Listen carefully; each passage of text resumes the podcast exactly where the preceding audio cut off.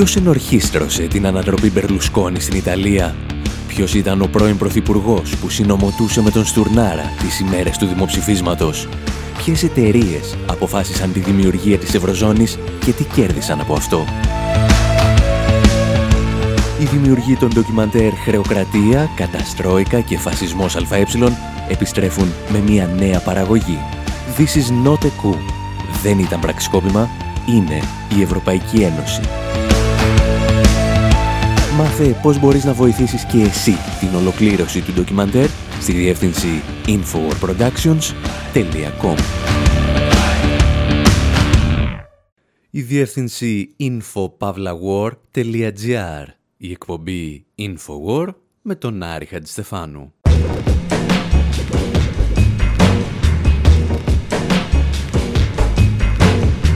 Όπου σήμερα με αφορμή την κυκλοφορία της ταινίας «Σουφραζέτες» ακούμε 4-5 ρυθμούς που γράφτηκαν για αυτές στο πέρασμα της ιστορίας.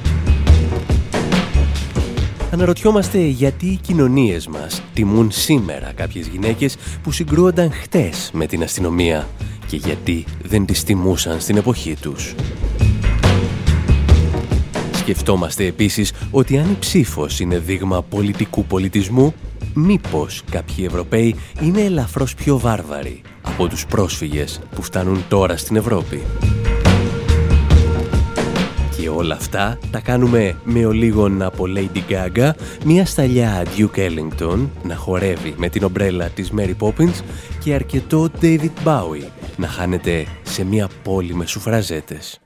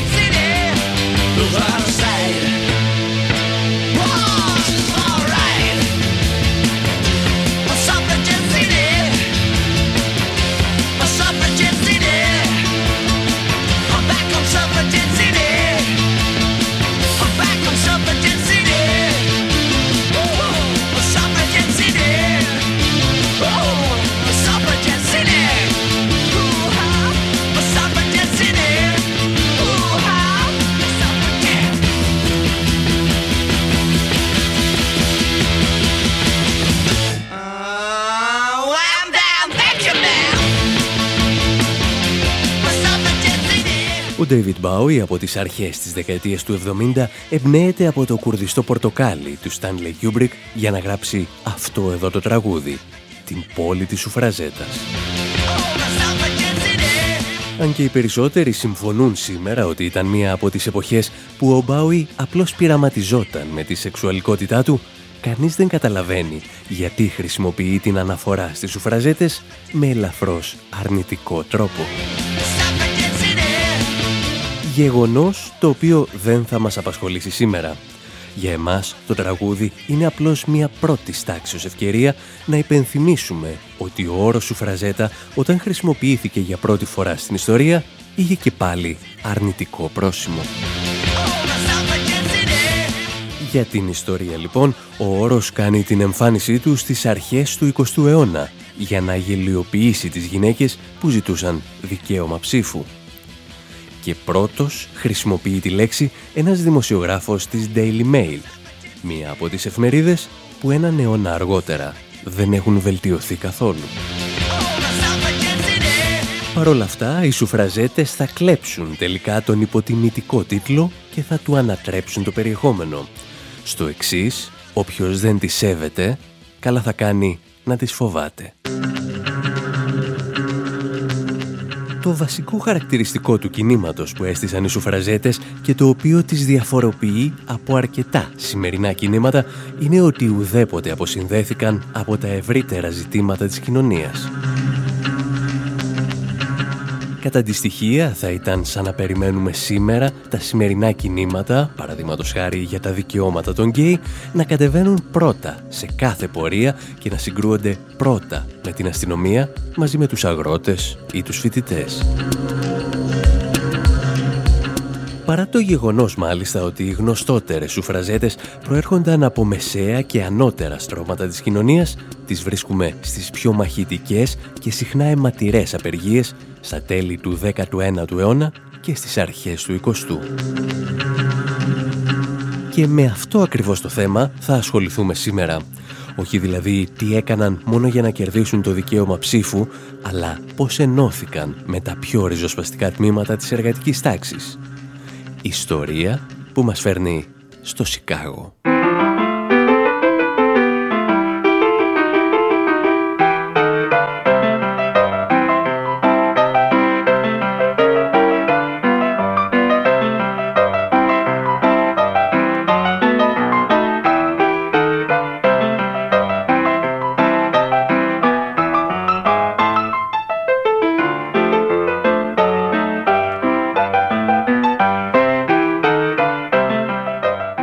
Βρισκόμαστε στα 1897 όταν ιδρύεται η Ομοσπονδία Δασκάλων του Σικάγου. Πρόκειται για μια ένωση γυναικών δασκάλων που συμμετείχε στο κίνημα για την αναγνώριση δικαιώματος ψήφου στις γυναίκες. Τρία χρόνια αργότερα η Ομοσπονδία τοποθετεί ως επικεφαλής την Κάθριν Γκόγκινγκ και την Μάργαρετ Χάλεϊ, δύο προσωπικότητες που θα γίνουν σύμβολο για τον αγώνα των γυναικών αλλά και των εκπαιδευτικών. Οι δύο σουφραζέτες δίνουν τις πρώτες τους μάχες για να εξασφαλίσουν ισότητα στους μισθούς των γυναικών εκπαιδευτικών. Σύντομα όμως έχουν και μία άλλη ιδέα. Συνειδητοποιούν ότι οι μεγάλες εταιρείες του Σικάγου φοροδιαφεύγουν ασύστολα, την ίδια στιγμή που η πόλη περικόπτει τους μισθούς των καθηγητών και τις δαπάνες για τα σχολεία. Κάτι σαν να αφήνει στους εφοπλιστές και την εκκλησία να μην πληρώνουν φόρους τη στιγμή που παιδιά λιποθυμούν από την πείνα στις σχολικές αίθουσες. Παράλληλα, ενώ οι ίδιες γυναίκες έβλεπαν τους μισθούς τους να μειώνονται μαζί με όλων των καθηγητών, η κυβέρνηση προωθούσε πακέτα διάσωσης των τραπεζών. Από το 1933 οι καθηγητές του Σικάγο προχώρησαν σε μαχητικές διαδηλώσεις και απεργίες, στις οποίες είχαν τη στήριξη των μαθητών και των γονιών της πόλης. Ενώ όμως ετοιμάζονταν για τη μεγάλη μάχη, η ηγεσία του συνδικάτου τους άρχισε να τους καλεί σε αυτοσυγκράτηση. Και όσοι έχουν υπάρξει σε συνδικάτα εκπαιδευτικών τα τελευταία χρόνια, ίσως και να αναγνωρίζουν αυτό το συνέστημα. Στο Σικάγο των αρχών του 20ου αιώνα όμως τίποτα δεν μπορούσε να σταματήσει εκείνο το ποτάμι της οργής. Πολύ γρήγορα δημιουργήθηκαν νέα συνδικάτα βάσης, τα οποία κατάφεραν να οργανώνουν τους απεργούς χωρίς την παρέμβαση της παλιάς συνδικαλιστικής ηγεσίας. Αποκορύφωμα αυτής της μάχης ήταν η εισβολή των εκπαιδευτικών σε υποκαταστήματα τραπεζών στο κέντρο της πόλης. Έμπαιναν στις τράπεζες και απαιτούσαν να δώσουν στο Δήμο τα εκατομμύρια δολάρια που συγκέντρωναν εκεί οι φοροφυγάδες επιχειρηματίες. Αν και αρκετές από αυτές τις κινητοποιήσεις οδήγησαν σε ανελαίητες συγκρούσεις με την αστυνομία, πολλές φορές οι αστυνομικοί του Σικάγο, που είχαν επίσης δει τους μισθούς τους να κόβονται, έδειχναν μια πρωτόγνωρη ανοχή στις μαχητικές κινητοποίησεις.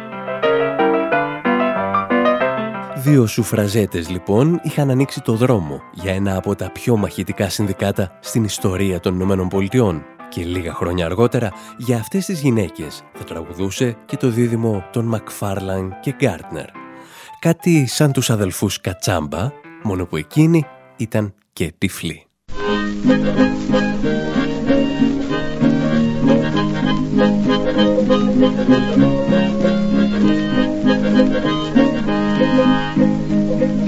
Some fine morning we'll all awake to find the stand that the women will take. They'll change this world all upside down. We'll have a lady mayor in every town. They'll spend all the money we poor men make to run the country. They'll undertake to say that the men do not advance. So think it's time that the women had the pants. The men in the house will have to fix while the wives talk politics.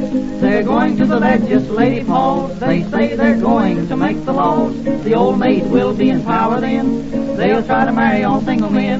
And the man who refuses to take a wife will have to go to the... Οι Μακφάρλαν και Γκάρτνερ τραγουδούν λοιπόν για το νέο ρόλο των γυναικών που ξεπηδούν από τα συνδικάτα και τις σουφραζέτες. Και η συνδικαλιστική δράση είναι μόνο η αρχή. Γιατί ήδη από τη δεύτερη δεκαετία του 20ου αιώνα οι σουφραζέτες στις Ηνωμένες Πολιτείες εμπλέκονται ενεργά και στο αντιπολεμικό κίνημα του Πρώτου Παγκοσμίου Πολέμου.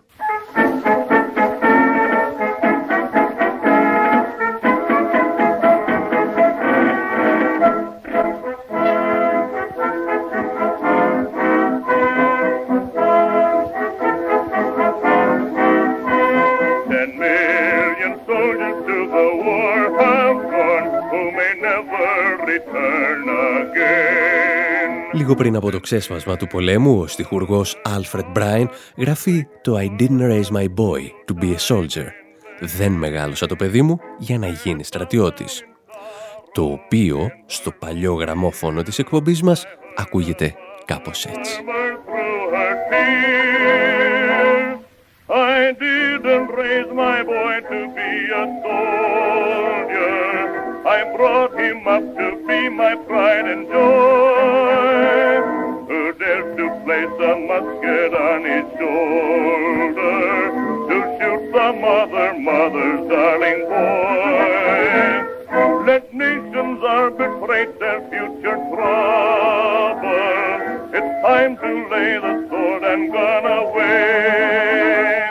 There'd be no war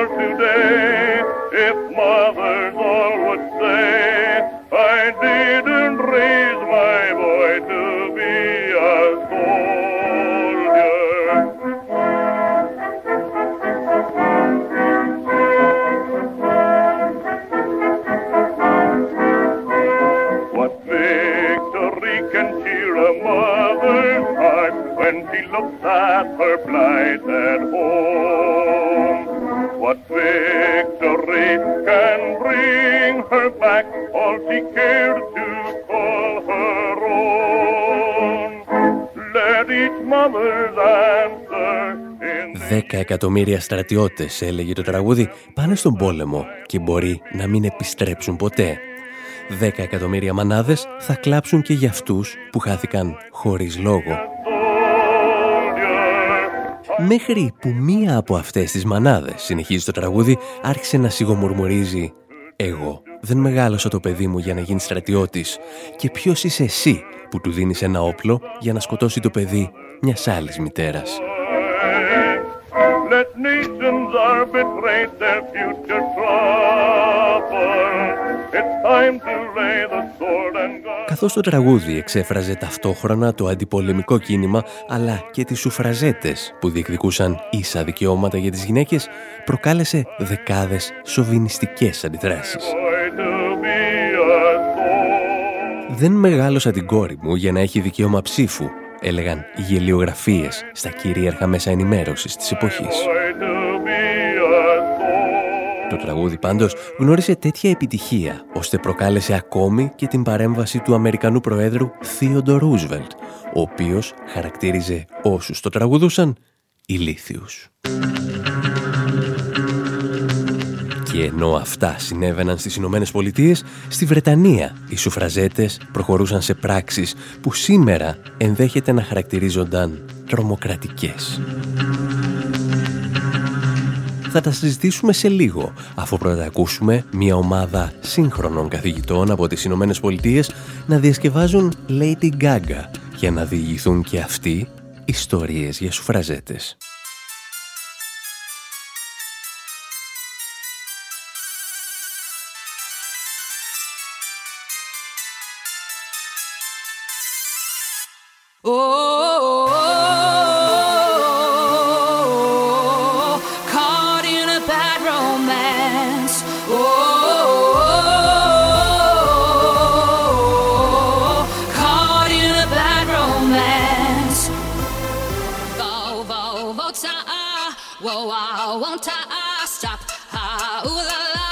till we have suffered. Whoa, whoa, whoa, ah. Ah, ta, ah, whoa, stop, ah, ooh la la, till we have suffrage. It's gotten ugly, they pass the 15.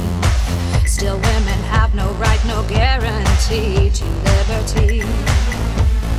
Child health, wealth, or property.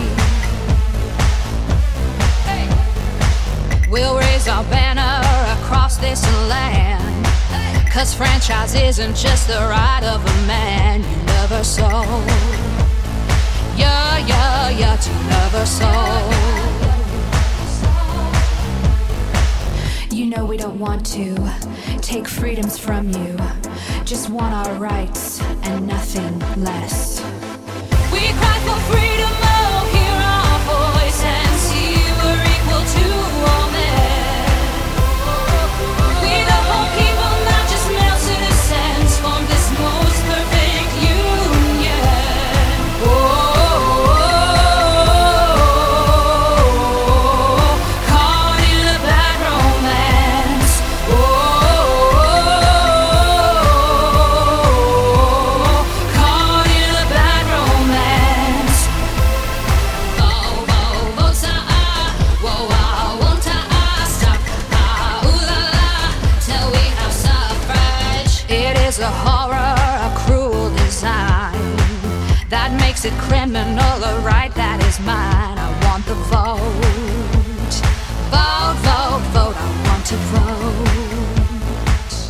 Στην εκπομπή Infowar με τον Άρη Χατζηστεφάνου ακούτε πειραγμένες μουσικές της Lady Gaga με τους στίχους να διηγούνται ιστορίες για τις σουφραζέτες.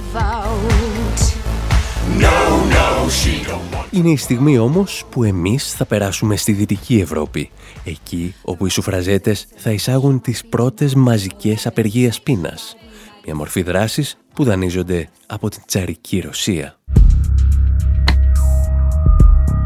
Οι πρώτες απεργίες πείνας ξεκινούν για αυτό το λόγο το 1909 στη Βρετανία από την Marion Wallace Dunlop.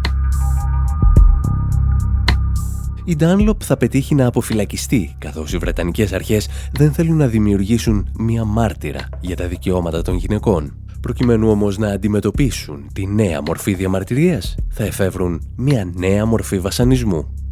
Την αναγκαστική σύντηση. Εκείνα τα πρώτα χρόνια το θύμα δένεται χειροπόδαρα σε ένα τραπέζι και ένας βασανιστής που αυτό αποκαλείται γιατρός προσπαθεί να γεμίσει το στόμα τους με φαγητό μέσα από ένα χωνί. Μία από τις σουφραζέτες, η Μέρι Κλάρκ, αδερφή της διάσημης Έμελιν Πάνχαρτς, θα πεθάνει στη φυλακή λόγω της αναγκαστικής σύντησης. Οι σουφραζέτες καταγγέλουν ότι η αναγκαστική σύντηση είναι μια μορφή βασανιστήριων και οι αρχές, για να ξεπεράσουν αυτό το πρόβλημα, καταφεύγουν σε μια διαφορετική μέθοδο. Λίγο πριν πεθάνουν από την απεργία πείνας, τις αφήνουν ελεύθερες και μόλις γίνονται καλά, τις ξανασυλλαμβάνουν.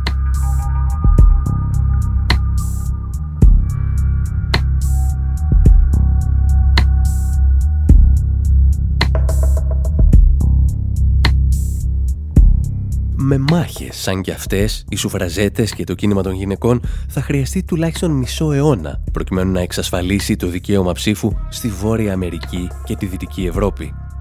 Τη δεκαετία του 60 μάλιστα, οι σουφραζέτες αναγνωρίζονται πλέον ακόμη και από το Hollywood, που στείνει πάνω τους την ταινία Mary Poppins.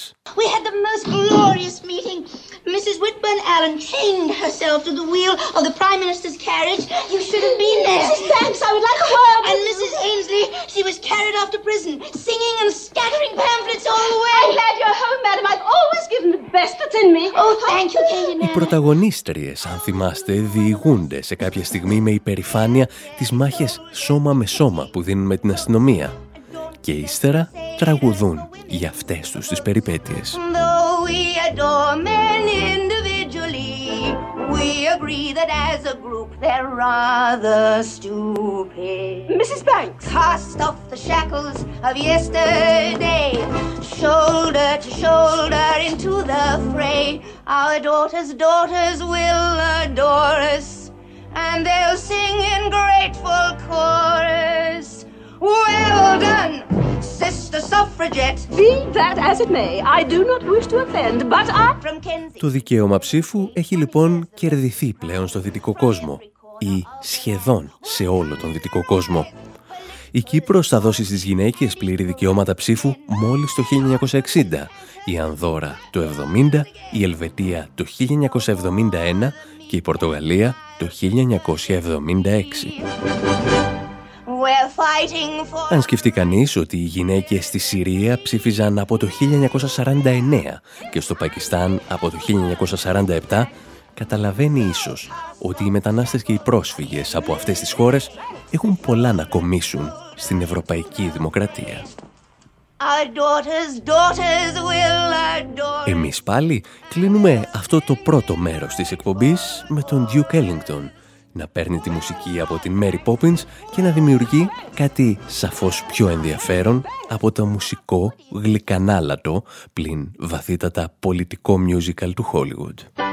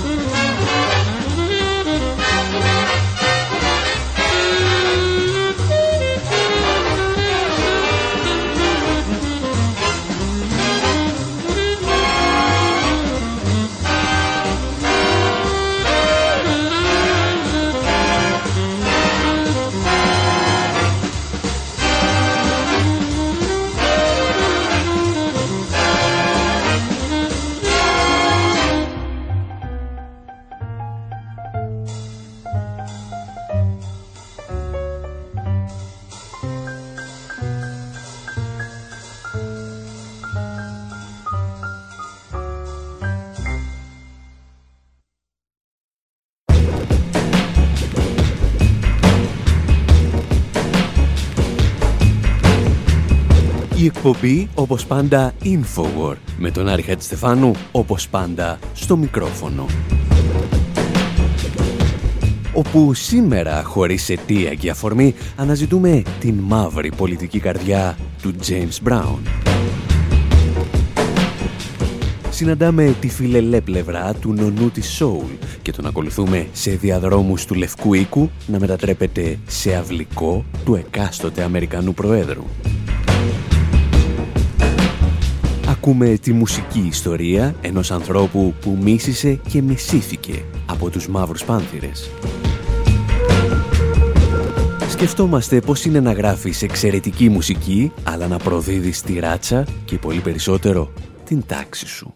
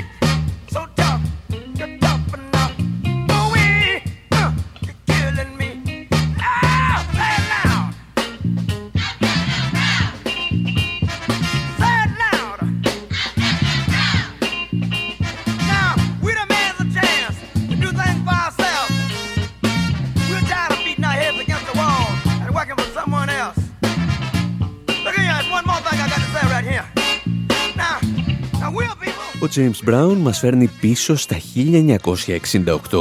Ήταν η εποχή που καλούσε τα αδέρφια του να φωνάξουν «Πες το δυνατά, είμαι μαύρος και υπερήφανος γι' αυτό».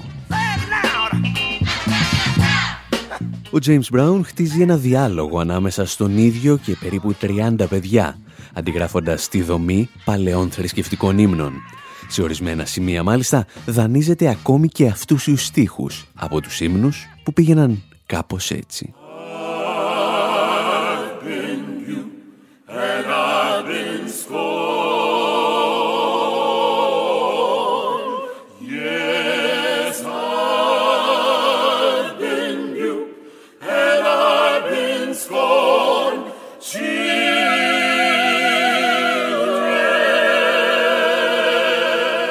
Μέσα σε ελάχιστο χρονικό διάστημα, το Say It Loud γίνεται ο άτυπος ύμνος του κινήματος για τα δικαιώματα των μαύρων στις Ηνωμένες Πολιτείες.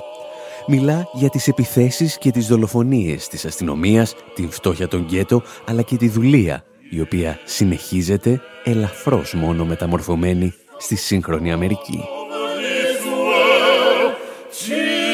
Και ο James Brown θα συνδέει πάντα αυτό το τραγούδι και με το περίφημο «I don't want nobody to give me nothing. Τον ακούμε και επιστρέφουμε.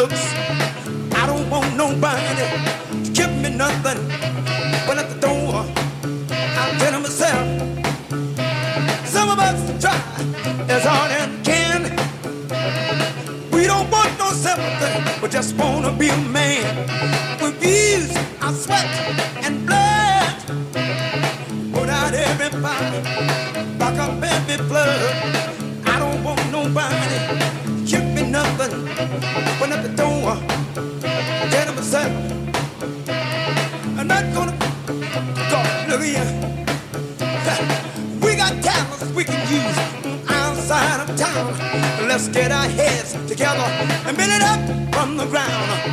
When some of us make money, we forget about our people. Forget about our honey. Forget about our honey. Look at you now. Look at him.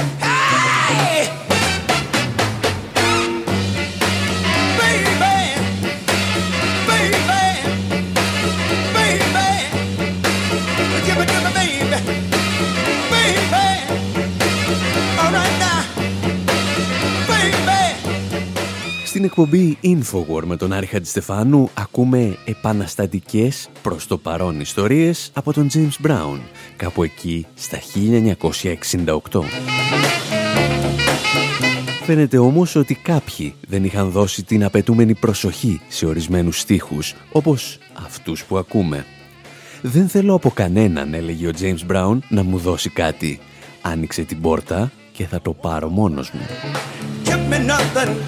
Open up the door. Ένας στίχος που στα 1968 εξέφραζε το πνεύμα της απελευθέρωσης του μαύρου πληθυσμού των Ηνωμένων Πολιτειών. Ένας στίχος όμως που αν τον ακούσεις σε μια άλλη εποχή έχει κάτι το ατομιστικό και το φιλελεύθερο.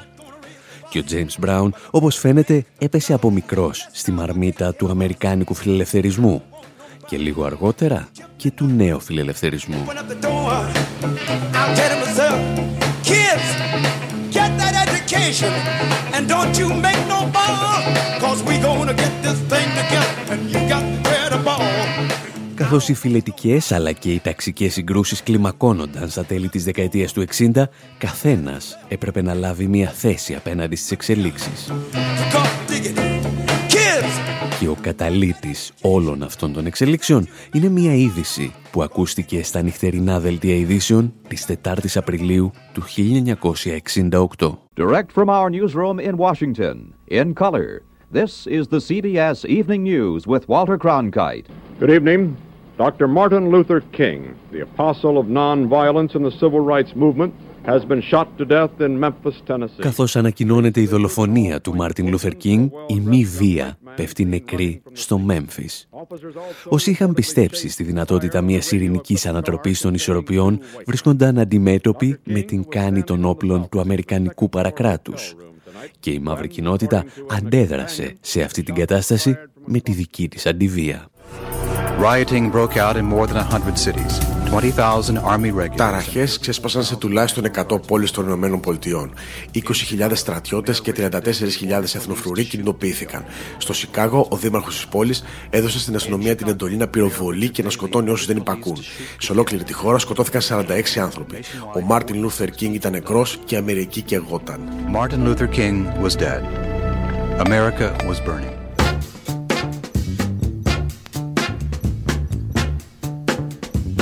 Watch me. Watch me.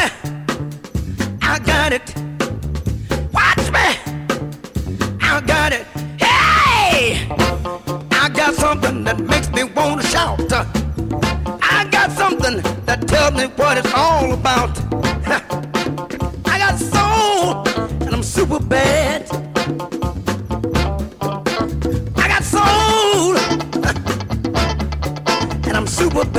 Σε αυτή ακριβώς τη στιγμή, ο James Brown θα αισθανθεί την ανάγκη να παρέμβει στις εξελίξεις και αντί να υπερασπιστεί τους ανθρώπους του που συγκρούονται με την αστυνομία σε όλες σχεδόν τις πολιτείες, προτιμά να υπερασπιστεί το μεταπολεμικό αμερικανικό όνειρο. Education is the answer. Know what you're talking about. Be qualified. Be ready. Η εκπαίδευση είναι η απάντηση. Να ξέρεις τι λες. Να είσαι έτοιμος και να έχεις τα προσόντα. Να ξέρεις τι κάνεις. Στην Τζόρτζια γυάλιζα παπούτσια έξω από ένα ραδιοφωνικό σταθμό. Σήμερα αυτός ο σταθμός μου ανήκει. Ξέρετε τι είναι αυτό; Αυτή είναι η δύναμη των μαύρων. Δεν βρίσκεται στη βία. Είναι να ξέρεις τι λες και να είσαι έτοιμος. Σας το λέω σαν αδερφός. Σας μιλάει η εμπειρία. Πρέπει να ζήσουμε για την πατρίδα μας. Πρέπει να ζήσουμε για τους εαυτούς μας. Σας παρακαλώ, μην βγαίνετε στους δρόμους. Please go off the street. Please,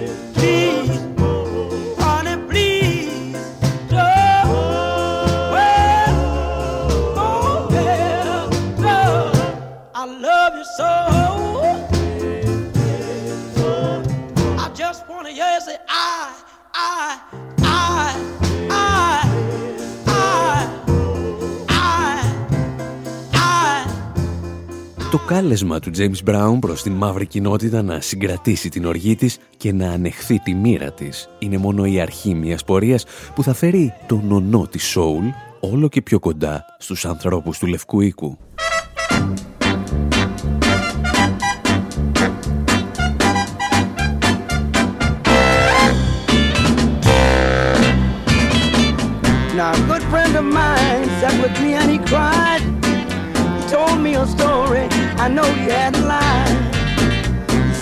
For a job, and this man said, without an education, you might as well be dead.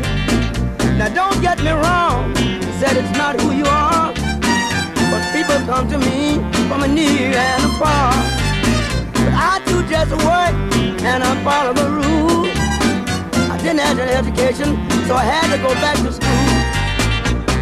My friend told of his buddies that he loved so well, and of their personal troubles I will not tell.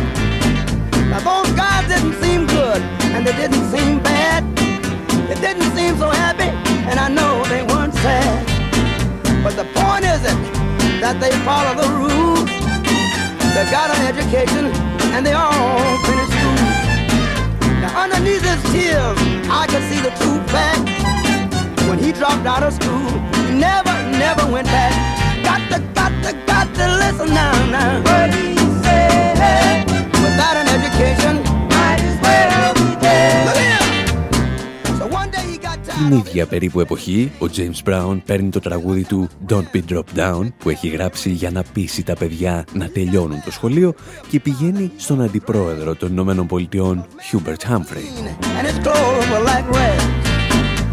απέναντι σε μια Αμερική που πετάει στο καλάθι των αχρήστων τα ασθενέστερα και πιο απροστάτευτα τμήματα του πληθυσμού, ο James Brown πιστεύει ότι η εκπαίδευση από μόνη της μπορεί να αλλάξει τους ταξικούς συσχετισμούς. Και φυσικά για αυτές τις ιδέες του βρίσκει ένα λαμπρό σύμμαχο στο πρόσωπο του Hubert Humphrey.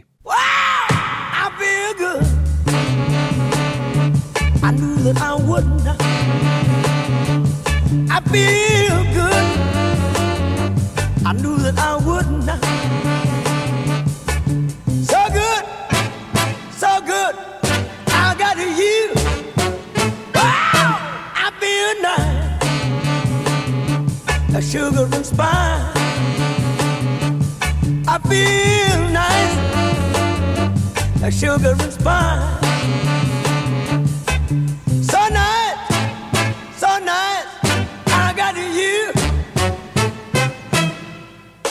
Για την ιστορία, ο Χάμφρε ήταν ένα αμάλγαμα αντιρατσιστή και βαθιά αντικομουνιστή προωθούσε νομοσχέδια για τα ατομικά δικαιώματα των μαύρων, ενώ παράλληλα ζητούσε να αποτελεί ο κομμουνισμός ιδιώνυμο αδίκημα.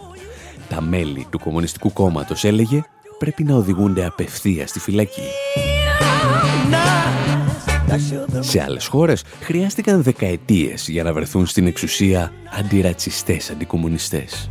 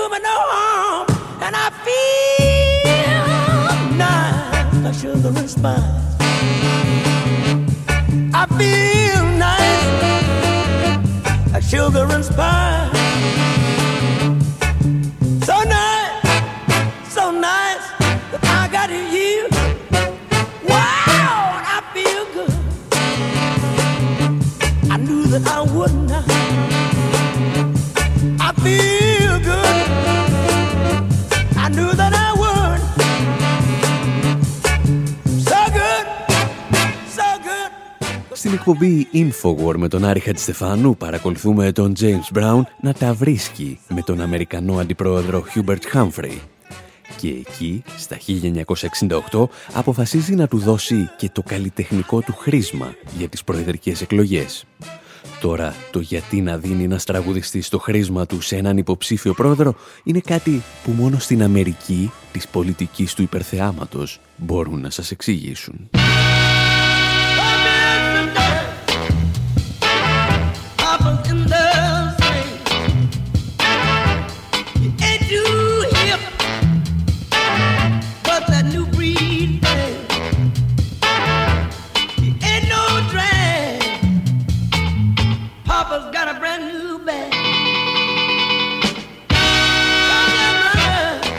Το βέβαιο είναι ότι η απόφαση του James Brown να στηρίξει έναν υποψήφιο πρόεδρο εξοργίζει την οργάνωση Μαύροι Πάνθυρες. Την οργάνωση που εκείνη την εποχή αρχίζει να δέχεται την ολομέτωπη επίθεση του Αμερικανικού κράτους και του παρακράτους. Τα πιο μαχητικά τμήματα του κινήματος για τα δικαιώματα των μαύρων βλέπουν στο πρόσωπο του James Brown έναν προδότη και τον αποκαλούν πουλημένο αδερφό νούμερο ένα και αυτός, λες και θέλει να τους αποδείξει ότι έχουν απόλυτο δίκιο, συνεχίζει να εμπλέκεται με τον ίδιο τρόπο στην πολιτική. Το 1972 έχει έρθει η σειρά του Ρίτσαρντ Νίξον να βάλει τον James Brown στην αυλή του. Ο νονός της Soul εκφράζει ανοιχτά τη στήριξή του στον υποψήφιο πρόεδρο. Mr. Brown, why are you endorsing President Nixon? Because I believe in the future of the country. Uh, uh, Όταν οι δημοσιογράφοι τον ρωτούν γιατί στηρίζει τον Νίξον, αυτός απαντά ότι το μέλλον της χώρας βρίσκεται στα χέρια του συγκεκριμένου πολιτικού. Και ο συγκεκριμένος πολιτικός, σε μια προσπάθεια να αποσπάσει μερικές ακόμη ψήφους, τον βάζει να παίζει σε προεκλογικές συγκεντρώσεις τραγούδια όπως το «I'm black and I'm proud».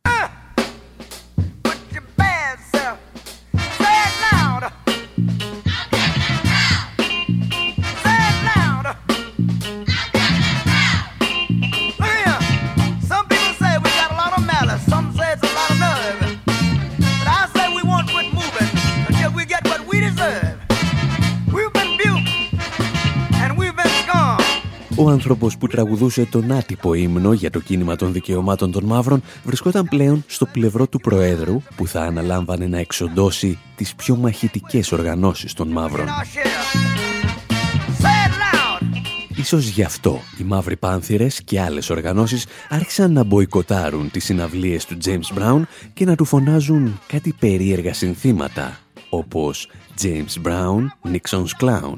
Ο James Brown είναι ο κλόουν του Nixon. Και Get the Clown Out of Town. Πετάξτε τον κλόουν έξω από την πόλη. Αυτός όμως συνέχιζε ακάθεκτος να κάνει το δικό του και τους απαντούσε με το τραγούδι Talking loud and say nothing. Μιλάτε δυνατά, αλλά δεν λέτε τίποτα.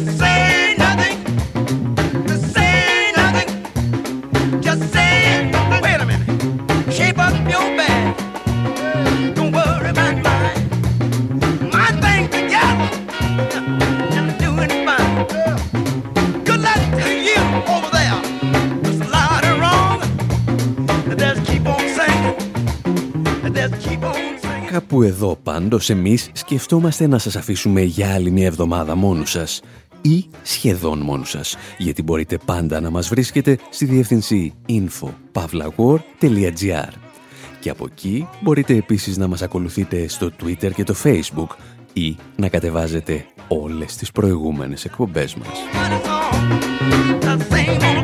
Μέχρι την επόμενη εβδομάδα πάντως, από τον Άρη Χατζηστεφάνου στο μικρόφωνο και τον Δημήτρη Σταθόπουλο στην τεχνική επιμέλεια, γεια σας και χαρά σας. Fellas, I'm ready to get up and do my thing. I want to get into it, man, you know.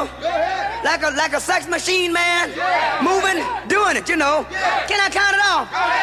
One, two, three, four. Get up, get on up. Get up, get on up. Stay on the scene. Get on up. Like a sex machine. Get on up.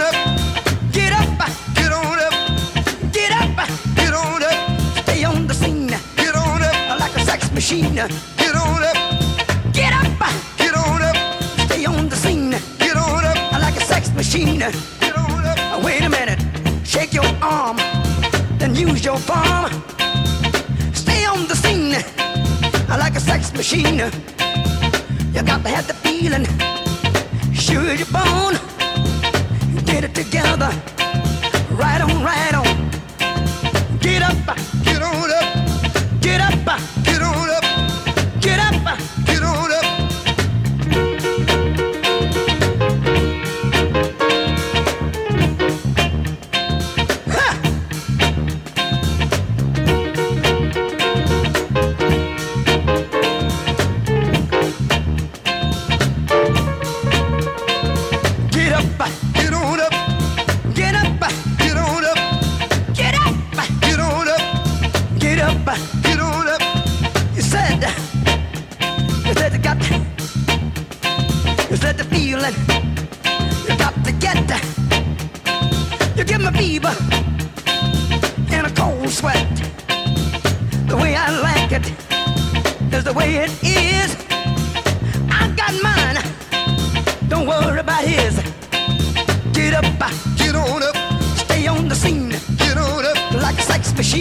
Get on up. Get up, get on up. Get up, get on up. Bobby, should I take him to the bridge? Go ahead. Take him on to the bridge. Take him to the bridge. Can I take him to the bridge? Take him to the bridge. Hit me now. Come on. Stay on the scene like a sex machine. The way I like it is the way it is. Got his. Stay on the scene like a loving machine. Stay on the scene like a loving machine. Stay on the scene. I want to count it off one more time, yeah. Go ahead. You hit it like it did on the top, fellas?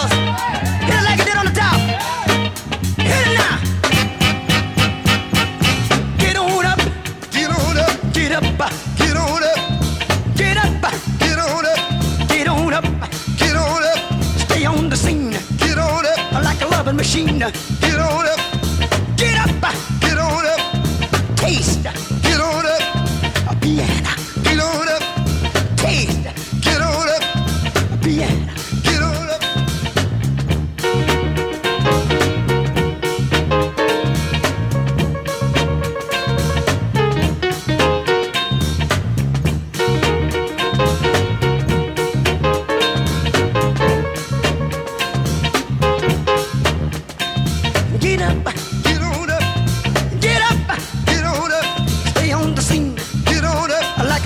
machine. Get on up.